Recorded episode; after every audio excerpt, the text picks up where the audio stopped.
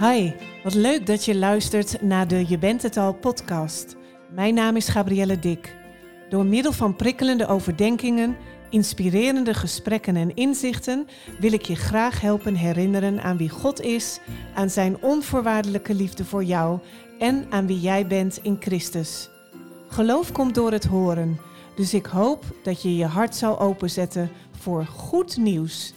Welkom, ontspan en geniet van deze podcast.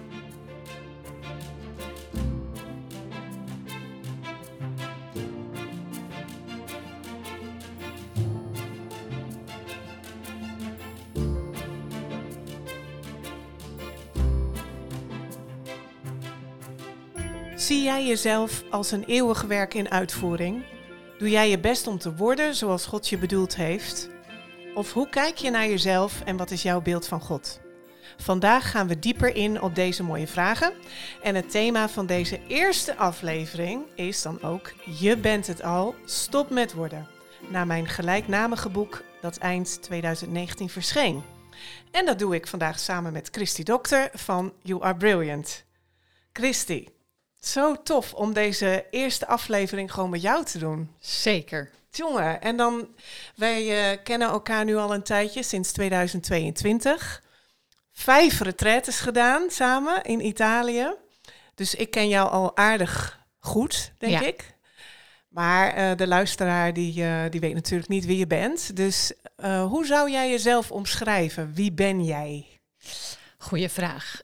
Ik ben echt een mensenmens. Dus ik hou heel erg van gezelligheid, maar ook hartsgesprekken. Ik zoek graag de diepgang op. Samen eten.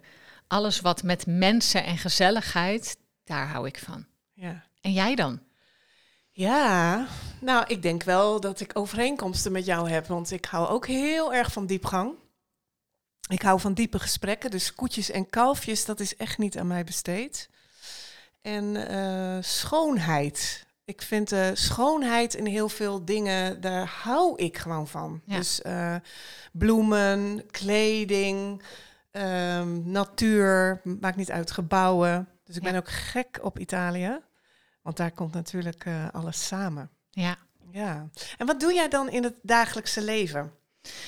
Ja, ik ben uh, psycholoog. Ja. Ik heb uh, sinds tien jaar een praktijk aan huis. Dus daar help ik voornamelijk vrouwen. En de thema's waar ik mee werk is identiteit, omgaan met emoties en communicatie en relaties. Dat zijn eigenlijk de speerpunten. En daarnaast ben ik uh, Enneagram coach sinds ruim een jaar. Uh, dus dat. Een Enneagram, even heel kort, wat, wat houdt dat in? Het Enneagram is, een, uh, is eigenlijk een persoonlijkheidsprofiel, een test die niet alleen naar gedrag kijkt, maar juist de diepere drijfveer achter gedrag onderzoekt bij mensen. En uh, dat geeft heel veel inzicht. Dus daar valt veel meer over te vertellen. Maar het belangrijkste voor mij is dat het kijkt naar de motivatie waarom iemand zich op een bepaalde manier gedraagt. Ja. En dat geeft heel veel begrip van jezelf en de mensen om je heen. Dus dat is een hele mooie tool. Ja, oké. Okay. En You Are Brilliant, mooie naam voor je bedrijf. Ja. Waarom heb je voor die naam gekozen? Ja, ik geloof echt dat uh, er zit schoonheid in mensen. Dus een briljant, daar zit schoonheid in. En ook als er licht op schijnt, dan komen er dus kleuren naar buiten.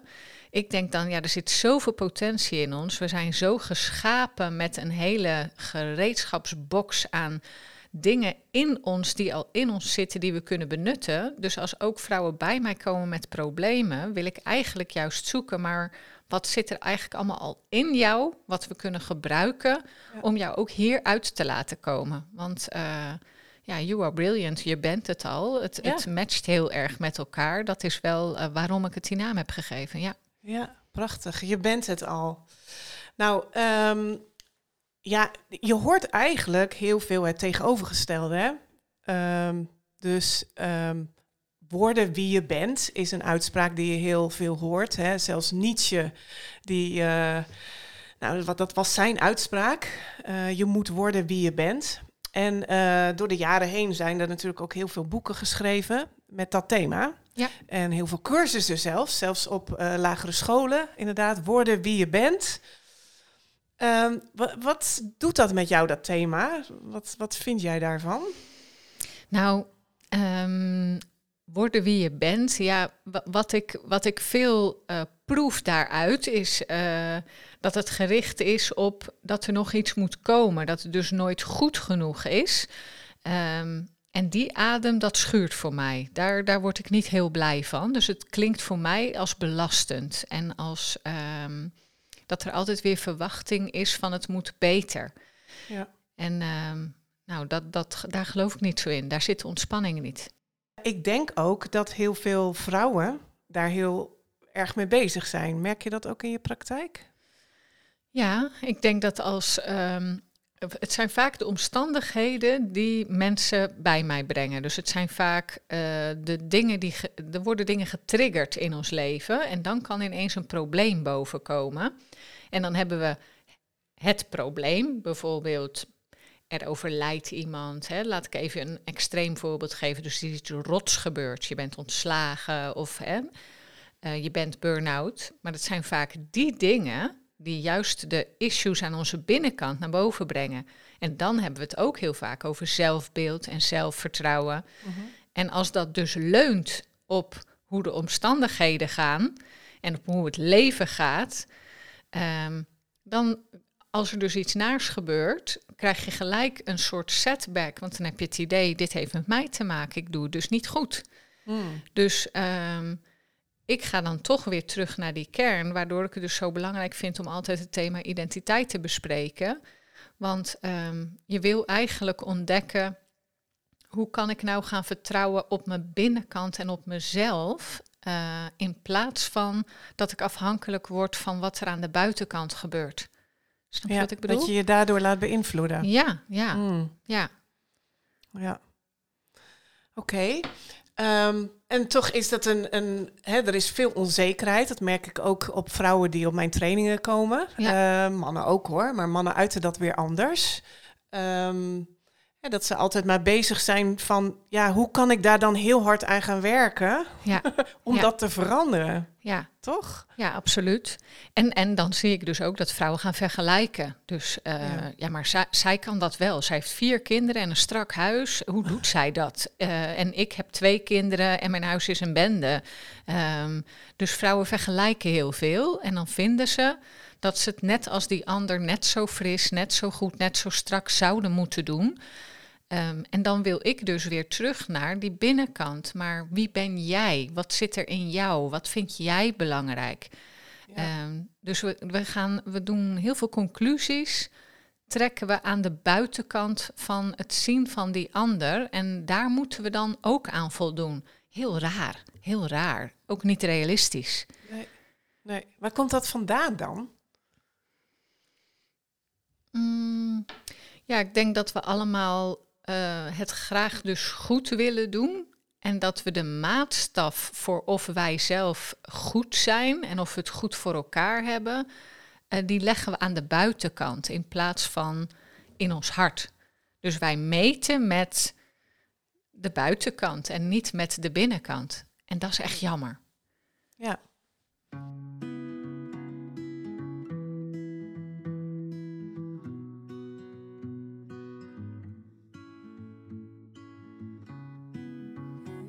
Hey, en jij hebt het uh, boek geschreven, je bent het al. en dat is vast niet zonder reden. Um, kan je daar eens iets meer over vertellen? Ja, um, nou, het heeft heel veel te maken met, uh, met mijn eigen proces natuurlijk. Ik vond het heel belangrijk om dat uh, te vertellen. die gedachte om een boek te schrijven, dat begon eigenlijk ook wel een beetje omdat ik, wat ik net zei, dat ik veel mensen op mijn training kregen. Mm -hmm met name veel christenen. Oh ja. En die hoorde ik heel vaak zeggen van ja, maar ik moet nog wel worden wie ik ben. Ja. Ik, uh, ik ben het nog niet helemaal. Ik uh, moet zorgen dat ik nog veel muurtjes afbreek. Of ik ben nog niet zoals God mij bedoeld heeft. En dat verbaasde mij wel, want de uitwerking daarvan is ook dus dat, er een, dat ik een stuk onzekerheid zie. Hè, mensen durven zich niet in de spotlight te zetten, omdat ze zeggen van ja, maar het gaat niet om mij en ik, ik moet nog zoveel werken aan mezelf. Ik ben echt nog niet waar ik moet zijn. En toen dacht ik bij mezelf, maar wanneer ben je er dan? Ja, ja. Ja, want eh, toch, in je leven heb je altijd momenten dat je denkt, nou, en nu weet ik het even niet meer. Of, oh, dat zit er ook nog. ja precies. En dan eh, ehm, beschrijf jij in je boek veel meer ook het geestelijke deel. Ja, dat klopt. Omdat, eh, nou, ik zei al, heel veel christenen zitten daarmee. Ja. Eh, dus inderdaad naar God toe van, ja, ben ik wel zoals u mij bedoeld heeft? Ja. Of wat is uw plan met mijn leven? Nou ja, en als ik dan terugdenk aan mijn eigen leven. Ik ben eh, geboren met een hersenbeschadiging. En eh, mijn moeder die had het HELP-syndroom en ik had een zuurstoftekort in de baarmoeder. Dus op een hele bijzondere manier ben ik eigenlijk genezen. Volgens de dokters was dat gewoon echt niet mogelijk. Of ik zou doodgaan of ik nou, zou gehandicapt zijn. ja. En dan groei je op. En ik was een heel gehoorzaam meisje, ook een heel gevoelig meisje. En dan ehm, ja, ook naar God toe. Ik wilde het wel goed doen. Ik Precies. wilde gewoon gehoorzaam zijn. Ja. En zeker ook als je dus op zo'n bijzondere manier genezen bent, dan is het natuurlijk wel, dan vraag je jezelf af, waarom ben ik genezen? Misschien moet ik wel iets doen hier op deze wereld. Misschien heeft God wel een heel speciaal plan met mij. Ja. En eh, als je dan opgroeit, en met name als ik, toen ik ouder werd, ehm, bemerkte ik dat ik eh, angst kreeg en dat ik in een soort kramp terecht kwam. Dus eigenlijk best een, een heftige start, hè? echt een heftig verhaal, wat uiteindelijk draait in een wonder, heel bijzonder. Ja. Maar dat is een soort last voor je geworden. Dat ben je gaan, de conclusie die je trok was, hé, maar dan, dan moet ik daar nu wel iets moois mee in mijn leven. Ja, klopt. Ja. En zeker als je om je heen hoort, God heeft een plan met je leven. Ik weet Oh, niet of jij dat veel, maar ik hoorde het overal in kerken, op conferenties. Hè, er is er zelfs een liedje van. Je bent hier met een doel. Ja, Dus dan ga je daar heel erg over nadenken en je wil het gewoon absoluut niet fout doen. ja, En dat is, was voor mij wel van, oké, ik ben het nog niet. Ik moet, de, ik moet echt op zoek gaan van, ja, wat, wat is dat dan en doe ik het goed? En zelfs op mijn trouwdag heb ik daar ook wel last van gehad. Want ik dacht, ja, doe ik het nu goed? Is dit de juiste man? Of moet ik eh, single blijven de rest van mijn leven? oh ja.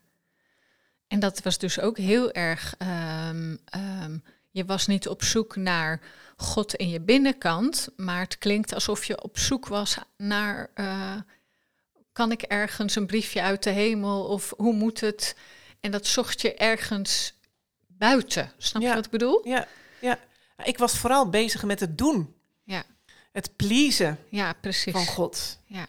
Ken- Herken jij dat? Of is dit eh, voor jou helemaal vreemd, dit verhaal? Nou, bij mij zit deze, dit hele proces, deze zoektocht, wat mijn persoonlijke zoektocht, zit veel meer dus ook bij mij wel toch in de ziel. Ja. Dus ik had wel ook de neiging om het goed te willen doen, maar vooral voor mensen. Ja. Dus ehm, mijn God speelt, ja, dat, dat ehm, ik heb ooit, toen ik in aanraking kwam met genadeonderwijs, het heeft zo'n indruk gemaakt. En ook jouw boek, hè, je bent het al, het sluit daar naadloos op aan.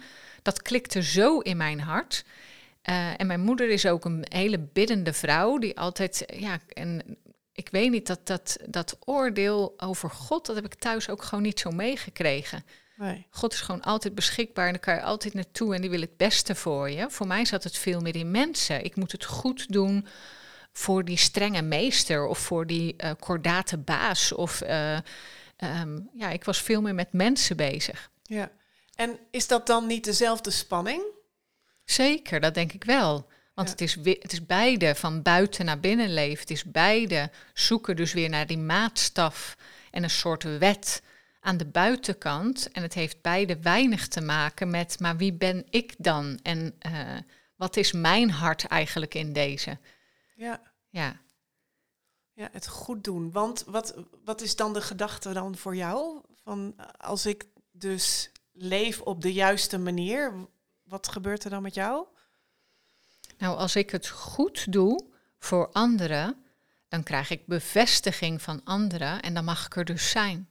Ja. dan eh, zijn anderen blij met me. En dan eh, vinden ze het oké dat ik ruimte inneem. Dat is een soort, ehm, dat geeft me bestaansrecht. Ja. Ja, ja, eigenlijk een beetje hetzelfde als als ik naar God toe had. Ja, Dat ja. als ik dan het juiste doe, Ja, dan eh, accepteert God mij en dan is hij blij met mij. ja, En dan wandel ik in zijn bestemming. ja. En dan ondertussen ben je heel hard aan het werk. Eh, toch? En dan krijg je, krijg je spanning. Ja, absoluut.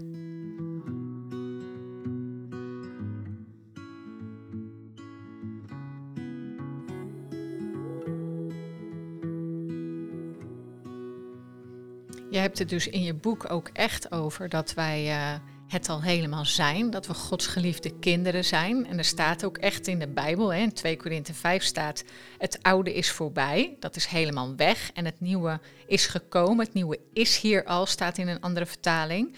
Wat maakt dan dat we dat zo moeilijk vinden om dat te geloven en aan te nemen? Omdat we... We vinden het lastig om niks te doen. Dat Ja. is het eigenlijk uiteindelijk. Ja, Dus wat ik je net zei, van, ik was heel hard bezig om vooral te doen. Omdat ik denk van, dat hoort zo. ja, Ehm, ik vind het heel lastig om te zeggen, oh, dus het is genade. Genade is dus dat Jezus het al gedaan heeft en dat wij dus niks meer hoeven te doen. We Ja. kunnen het niet meer zelf doen. Dus die balans, eh, ja, we zijn altijd op zoek van, ja, er moet wel een balans zijn, een soort van, hè? Van ja, Ja. we kunnen niet alleen maar zeggen van, eh, nou, ehm, nou, dat was het dan, dat is het dan. ja. Alles is genade, Alles is genade, ja. dus Ja. hoeven wij niks meer. Nee, klopt. En dat eh, is natuurlijk ook wat ze tegen Paulus zeiden. Ja. Van oké, ja, genade, nou lekker makkelijk. Dus dat betekent dat je niks meer hoeft te doen. Ehm, en dat je dus maar mag zondigen, bijvoorbeeld. Ja. En dat Paulus zei, ja, maar dat je dat, dat je dat zelfs gaat bedenken gewoon. Ja. Want als je vrijgemaakt bent, en ik denk dat Gods onvoorwaardelijke liefde hier echt wel een hele belangrijke rol in speelt. Ja. Dus als jij weet dat God onvoorwaardelijk van je houdt en niet alleen weet met je verstand, maar ook echt voelen met je hart, Ja. en dat is een lastige, vaak, dan, eh, ja, dan ga je niet meer nadenken over van, nou, eh, nou lekker makkelijk, dit, dit laten we dus maar. Dus we willen er altijd iets voor doen en we zoeken altijd een balans. En daardoor krijg je altijd die ja maar. Ja. Ja, we zijn een nieuwe schepping, maar. Ja. Herken je dat? Ja.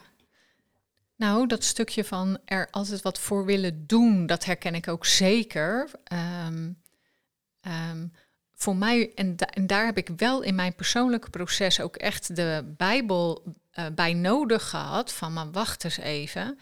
Het is dus genade. Ehm, eh, er staat in eh Korinthe ergens van, eh, ik zal dan roemen in mijn zwakheid. Ja. Want daar wordt de kracht van God zichtbaar. En dat ik dus dacht, oh grappig.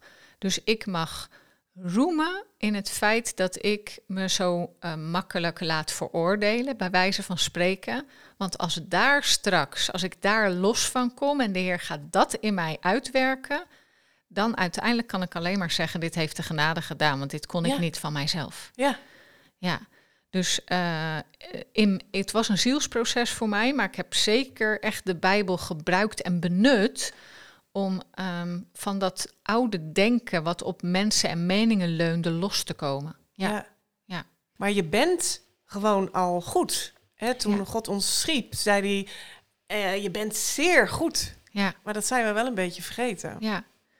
En ik denk ook dat als dat dus de basis niet is van je identiteit, dat het al helemaal goed is, dan blijf je dus struggelen. Ja. En als het wel de basis wordt, dan eh, is alles wat daarna slaagt, want we, want, want we mogen eh, dingen ondernemen, we mogen met mensen optrekken en leuke dingen doen, dan is dat allemaal bonus. Dan is dat Ja. niet meer iets wat hoeft te bewijzen dat ik oké ben. Maar dan is het, dan is het al oké. Dan is de rest bonus en zegen en rijkdom. Ja. ja, dan ga je dus eigenlijk leven, toch? Ja, amen. ja, In plaats van overleven. absoluut. Dus eigenlijk is het zo dat als we heel erg denken in goed en fout, hè, de boom zei je net al van kennis van goed en kwaad, dus dat heeft heel erg met je verstand te maken, Ja, toch? Kennis hebben van het goede en het kwade. En ik denk dat het goede net zo funest is als het kwade, Ja, eens. toch? Ja. Weten wat, wat goed is. Ja, ik was altijd bezig met het goed doen. eerst voor mijn ouders en daarna voor de meester of voor ouders van vriendjes en vriendinnetjes of later voor je baas. Altijd maar wie oordeelt hier? En ik wil het goed doen voor diegene, maar dat is net zo funest als uh, het, het, uh, het niet goede vermijden, is net zo naar uh, als het goed willen doen. Ja. Ja, Ja. absoluut. En dan leef je toch meer vanuit je verstand of zo, in plaats vanuit je hart. Ja, dat is inderdaad die maatstaf die, die ik dan inderdaad zeg van dit is de maatstaf van uh, de dingen die naar gedrag kijken, terwijl we mogen naar die binnenkant, we mogen naar dat hart. Ja, mee eens, mee eens. Ja. En heeft dat dan voor jou ook te maken met jezelf liefhebben? Want hart, dat verbind ik toch altijd ook met, met liefde. Ja, ik denk dat ik voor mijzelf um, was de weg heel erg. Oh, wacht eens even. Ik ga dus nu niet meer bedenken wat is de mening van die ander, maar wat geloof ik hier eigenlijk over? En dat was compleet nieuw, want dat wist ik helemaal niet. Wat vind ik hiervan? Ik heb geen idee wat ik vind, wat ik leuk vind. Ik weet het niet. Ik deed altijd wat een ander wilde. Oké, okay, dan moet ik ineens gaan voelen en belangrijk gaan vinden wat er aan mijn binnenkant gebeurt. En dan moet ik dus inderdaad eerst mezelf waardevol vinden en die mening waardevol vinden, want anders gaat dat helemaal niet lukken. Nee, nee dan blijf je in een soort van innerlijke rechtszaal of zo zitten. Ja. Ja, dan blijf je bij dat verstand en dan blijf je alles maar met die maatstaf van gedrag, is dit goed of fout, meten. En, en uh, daar wil je eigenlijk los van komen. Je wil naar het hartsdeel. Ja, ja want eigenlijk die, die kennis van goed en kwaad en die rechtszaal waar je dus eigenlijk jezelf in plaatst steeds, ja, daar is dan altijd veroordeling uiteindelijk. Toch? Je, je veroordeelt jezelf. Je bent, ik zat uh, daarover na te denken, maar eigenlijk is het zo van, je bent een soort slachtoffer, hè? je bent de beklaagde, maar je bent tegelijkertijd ook je eigen rechter. Ja. Ja. Dus alle twee. Ja, het gebeurt heel veel in je binnenwereld. Want 9 van de 10 keer is die ander helemaal niet bezig met. Ik vind dat Christy dit niet goed doet. Nee, ik ga mezelf vergelijken. En ik vind dat in vergelijking met die ander dat ik het niet goed doe. Dus die hele rechtszaak vindt inderdaad vooral in mijn eigen brein plaats. Ja. En dan heb je het eigenlijk over een soort kritische stem die altijd over je schouder mee kletst en streng is en uh, beknibbelt en vindt dat het niet goed genoeg is. En die kritische stem, die wil je eigenlijk het zwijgen opleggen. Ja. Ja, ja zo zag ik God eigenlijk ook wel. Zo'n kritische God die altijd maar um, nou, kijkt hoe ik het doe. En wat dat betreft zag ik hem ook gewoon in mijn eigen rechtszaal. Stom eigenlijk, hè? Ja. Dat je dat, um, daar komt zoveel angst uit voort. Hè? Het gevoel dat ik het niet goed doe. En ik weet nog dat ik ben toen op een gegeven moment ook naar een coach gegaan, omdat ik zo angstig was. En die zei tegen mij, ja, maar God eist niet. Hm. Toen dacht ik, ja, God eist niet, dat kan jij wel zeggen. Maar misschien wel van mij, want ik ben op een bijzondere manier genezen. Precies. Ja, en dat was wel. En toen zei ze tegen mij iets heel belangrijks. Um, als jij je gedachten niet verandert over God en over jezelf, uiteindelijk dan automatisch, ja. dan kan ik jou niet helpen. Dan gaat dit ook gewoon echt nooit veranderen. Dat is wel een pittige uitspraak. Ja, die vond ik ook heel confronterend. Ja. Ja. Ja. Ja, omdat ik dacht van God moet het doen, toch? Ja. Uh, God moet mijn gedachten vernieuwen. En toen zei ze tegen mij, ja, maar in Romeinen staat wordt hervormd door de vernieuwing van je denken. Mm -hmm. Uh, en die vernieuwing van je denken in de grondtekst is dat een actief iets. Dus het betekent dat jij zelf aan de slag moet. Ja. Dus ze zei, jij hebt de sleutel. Ja. Jij kan nieuwe paadjes als het ware aanmaken in je brein. Ja. Ja. En dan zit je in de auto naar huis en Ja. dan laat je dat zakken. En had je toen snel zoiets van ze heeft een punt of was er nog weerstand? Nou, ik dacht echt, hoe dan? Ja, ja, ja. Hoe dan? Na zoveel jaar strijden en eh, op een bepaalde manier denken, hoe ga ik nou ineens dan mijn gedachten totaal veranderen? Dat vond ik echt wel een lastige. ja. Dus En ik heb ook echt wel gebeden, eh, geroepen naar God van, eh, ja, help me hierbij. Ja, Want ik weet het niet zo goed hoe ik dat moet doen. Maar tegelijkertijd dacht ik ook wel, ze heeft een punt. Ja, Ehm, wat nou als zij gelijk heeft? ja, ja, ja. En dat is denk ik die, die vraag, hè, van wat nou als Ja. het toch anders is dan ik denk, is een hele belangrijke vraag. Ja, waarom? Omdat je daarmee eigenlijk je hart openzet. Hm. Dus daarmee laat je eigenlijk al heel langzaam toe van, nou misschien is het toch anders dan ik denk. En daarmee zet je ook de deur open voor genezing, geloof ik. Ja, Want je kan natuurlijk blijven vasthouden. Ik kan natuurlijk denken, ja, nou kan jij zeggen. Maar ehm, dit ga ik niet doen. ja. En hoe ging dat daarna verder? Nou, toen eh, de gedacht, een eh, gedachte die mij heel erg hielp was... Let's give it a try. Oh, ja. Weet je wel, laat ik het gewoon eens proberen dan. Eh, want ja, wat heb ik te verliezen uiteindelijk? Ja, Het kan alleen maar erger worden. ja, dus ehm, zoals ik nu denk. Ja. Dus laat ik het gewoon proberen. En toen heb ik echt de tegenovergestelde boodschap van wat ik geloofde, namelijk God eist, ik moet heel hard werken om te worden wie ik ben. Eh, daar heb ik echt een punt gezet. Snap je? Dus ik, ik heb een punt gezet van ik ga niet meer die ja maar toevoegen. ja, ja, ja. Dus dan, wat blijft er dan over? Ehm, dan blijft er over dat, ehm, dat ik tegen mezelf kan zeggen van... ehm, Oké, God is liefde, punt. Ja, ja, ja. God is onvoorwaardelijke liefde voor jou, punt. God eist niet, punt. Ja, Jij bent een nieuwe schepping, punt. ja, ja, ja. Snap je? Ja. En ehm, toen ben ik echt heel veel daarover gaan lezen ook. En ook gaan luisteren. Van, maar wat is dan die tegenovergestelde boodschap? Dat is dat God echt onvoorwaardelijk van mij houdt. Ja. En dat hij een vader is voor mij. Die ehm, er alleen maar naar verlangt dat ik speel en dat ik leef en dat ik beweeg eh, in hem. Dus je moest wel kiezen om eh, niet meer die oude boodschap steeds op te zoeken. Je bent een soort doelbewust dingen gaan luisteren en je laten inspireren door een ander geluid. Dat klopt. Ja, Ja. En toen zakte het kwartje. ja, ja. Dus ik had, ik had mijn hart al wel hè, opengezet daarvoor dat het anders kon zijn dan dat ik geloofde. Dus die overtuigingen, mensen, die, die worden zo'n waarheid gewoon in je hoofd. Dus je moet andere waarheden gaan pakken. Ja. En ook wat, wat belangrijk is, en misschien herken je dat ook wel bij wat jij net vertelde, is ik dacht bij mezelf, wat is nou hier de vrucht van?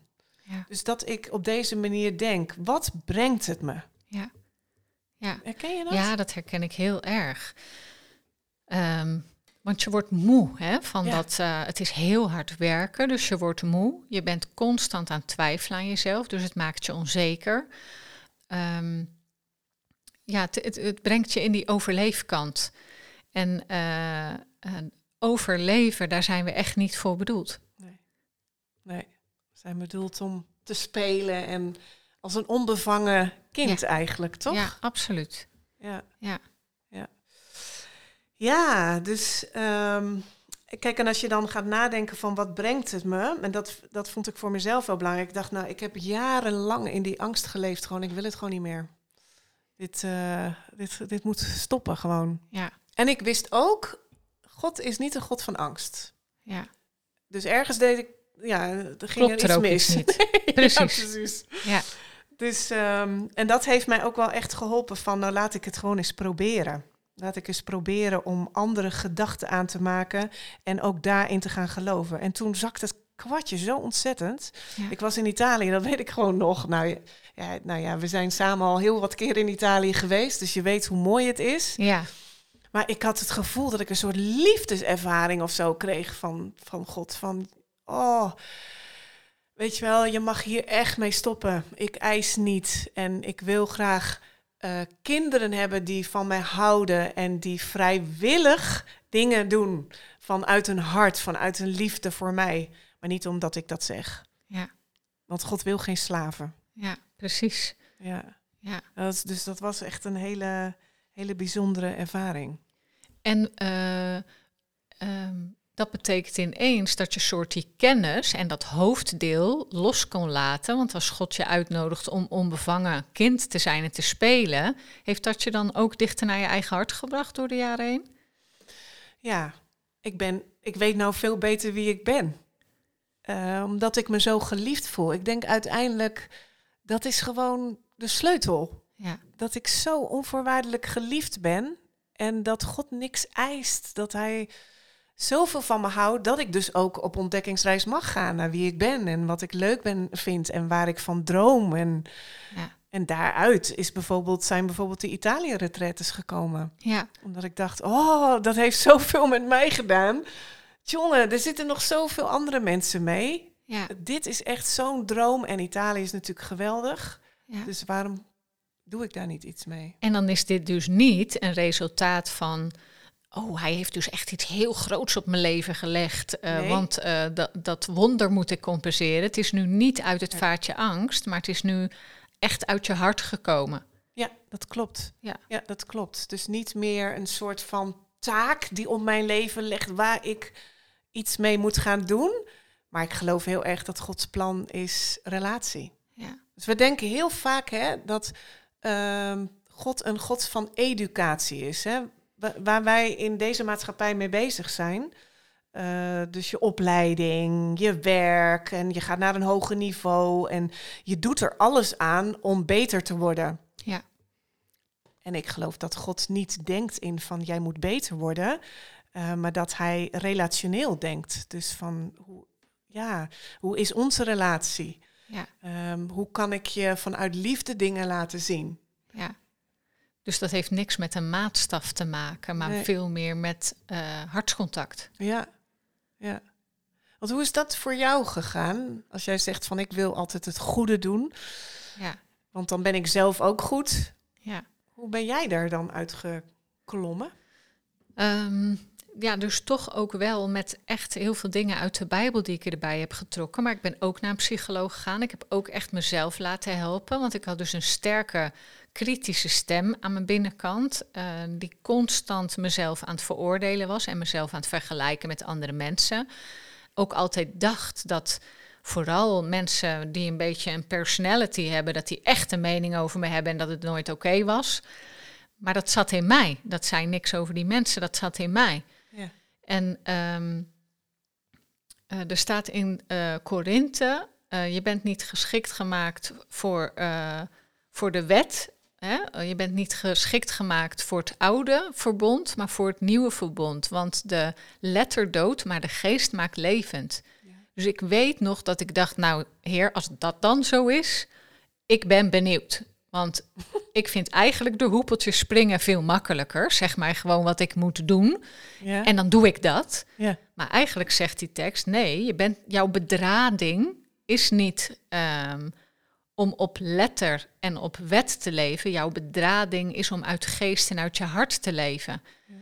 Ja. Um, en uh, ik, ik dacht echt van, nou heer, laat het maar zien dan. Ik ga dit proberen. Ik, uh, ben, ik ben nieuwsgierig of, of dan werkelijk alles ontspannender gaat worden. En uh, dus ik ben gewoon gaan beoefenen. Ja, zeker wel. Um, en dat is voor mij dus vooral, oké, maar wie ben ik? Wat vind ik leuk? Wat geloof ik over deze situatie? Wat gun ik mezelf en wat gun ik de ander? uh, gunnen zit ook heel erg op hartsniveau. Dus ik ben mezelf heel vaak die vraag gaan stellen. Dus als ik bijvoorbeeld komende week een drukke week heb, dan zou ik kunnen denken op de oude manier. Ja, maar zij verwachten dit van mij en dan moet ik dit wel goed doen. En uh, ik kan deze afspraak niet afzeggen, want dit heb ik nou eenmaal afgesproken. Dus die ander die uh, zal wel teleurgesteld zijn als ik dat nu niet waarmaak. En nu kijk ik naar de situatie van, hé, hey, ik merk eigenlijk dat ik bijvoorbeeld te druk ben. Wat gun ik mijzelf? Ik gun mijzelf dat ik uh, kan ontspannen. Uh, dus is het nu wijs om af te zeggen. Want om gestretched al mijn dingen te doen, daar heeft die ander niks aan en ik put mezelf ook uit. Mhm. Dus ik uh, probeer veel meer dichter bij mijn gevoel te blijven. Um, en te kijken wat gun ik mezelf en wat gun ik de ander. Dus veel meer op hartsniveau in plaats van op gedragsniveau. Snap je dat? Ja, maar voel je je dan niet schuldig? Ehm, ik heb ooit dus een. ehm, ik, ik heb ook een soort bedacht van. Met de Heer bestaan er geen belangenverstrengelingen. Ik wil eigenlijk geloven dat als ik een afspraak afzeg, dat die ander ook zijn tijd goed kan gebruiken. Ik wil gewoon niet in tekort denken. Ik baal daarvan. Ik vind dat tekort denken, dat hoort Ja. voor mij ook bij wet. Ja. Dus ik wil eigenlijk geloven dat als ik besluit, ik zeg iets af, dan gaat het die ander ook ten goede komen. Ja. Eh, dus ik, ehm, Dus die verantwoordelijkheid laat je eigenlijk gewoon ook bij die ander. Dat hoef jij niet te gaan invullen. nee, dat hoef ik niet in te vullen. Nee, dit, dit, en dat is absoluut wel, wel eens lastig hoor. Want dat verantwoord, ik ervaar niet zozeer schuldgevoel, ik ervaar vooral heel erg verantwoordelijkheidsgevoel. En dat schuurt natuurlijk heel erg tegen elkaar aan hoor. Dat zit Mm. wel heel erg in hetzelfde rijtje. Eh, maar het helpt mij om te bedenken, ik geef die ander ook een cadeau. Als ik dit nu eh, op deze manier doe, wil ik niet geloven dat ik die ander daar tekort mee doe. En eigenlijk geef je jezelf, eh, of geef je de ander ook een soort van toestemming dat die ander dat ook gewoon mag doen. Ja, Snap je wat ik bedoel? Zeker. Als ik nee prachtig. zeg, Ja. dan voelt de ander ook van, oh, zij durft gewoon nee te zeggen. En dan is het voor de ander andersom ook makkelijker om, Ja. eh, om eens een keer nee te zeggen. Zeker. ja. Ja. ja. En dat, dit thema dan, hè? je bent het al, stop met woorden. Ehm, speelt dat dan ook heel erg mee? Is dat voor jou dan ook zo'n overtuiging geworden van, ja, maar ik ben oké, ik ben goed zoals ik ben? Ja, ja absoluut.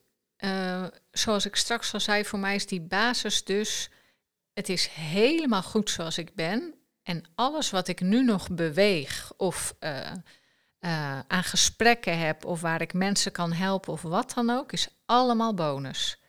De basis is, het is al goed. Ik heb toen ik volop in mijn persoonlijke proces zat, wel eens op de rand van mijn bed ochtends gezeten. En er moest er nog een was gebeuren. Ik moest boodschappen doen. De kids moesten aangekleed worden of liepen in hun rompers. En dat ik dacht, het is nu dus al goed. Nog voordat ik ze heb aangekleed, nog voordat ik de was heb gedaan, nog voordat ik gepresteerd heb. De Ja. basis is, het is nu al goed. Ja. En alles wat ik vandaag lever, is bonus. En dan ga ik vragen, maar wat gun ik mezelf vandaag? Ik gun mezelf eh, dat, dat ik wel lekker de kids aankleed en dat ik het gezellig kan maken. Maar er zaten ook dagen tussen, dan was ik zo moe van die oude manier van leven, dat ik dus gewoon dacht, nee, het is dus nu al goed. Betekent dat het prima is als ik een middagje Friends kijk en die was laat liggen. Ja. En wat doet dat dan met je emoties of met, met jouw zijn? Ja, dat schuurt aan de ene kant en aan de andere kant bevrijdt het enorm. Want je hebt zo op die rust gewacht, op die vrijspraak. Dus eh, het is eh, in het begin onwennig, eh, maar, maar het voelde ook zo goed. Want ik had het echt nodig. Ik was echt te moe van die oude manier. Ja, ja. Ja. Ja. eigenlijk een beetje hetzelfde. Hè? Wat levert het je op uiteindelijk? Zeker. Hè, wat ik net ook zei, van bij mij bracht het dan heel veel angst en inderdaad enorm vermoeid altijd. Eh, van altijd maar denken, hoe moet ik het goed doen? Hoe kan ik God pleasen? En jij hebt dat dan met mensen. Hè? Ja, ja, ja, daar word je gewoon ook heel moe van. word je absoluut moe van. Ja, wat brengt het je? En uiteindelijk is het Gods verlangen dat wij onszelf zijn. Ja, Dus het ligt veel meer in het zijn ja, dan in het worden. ja, absoluut. Wat een, wat een ademruimte dan dus. Ja. Wat een eh, opluchting. Ja. ja absoluut. Dus eigenlijk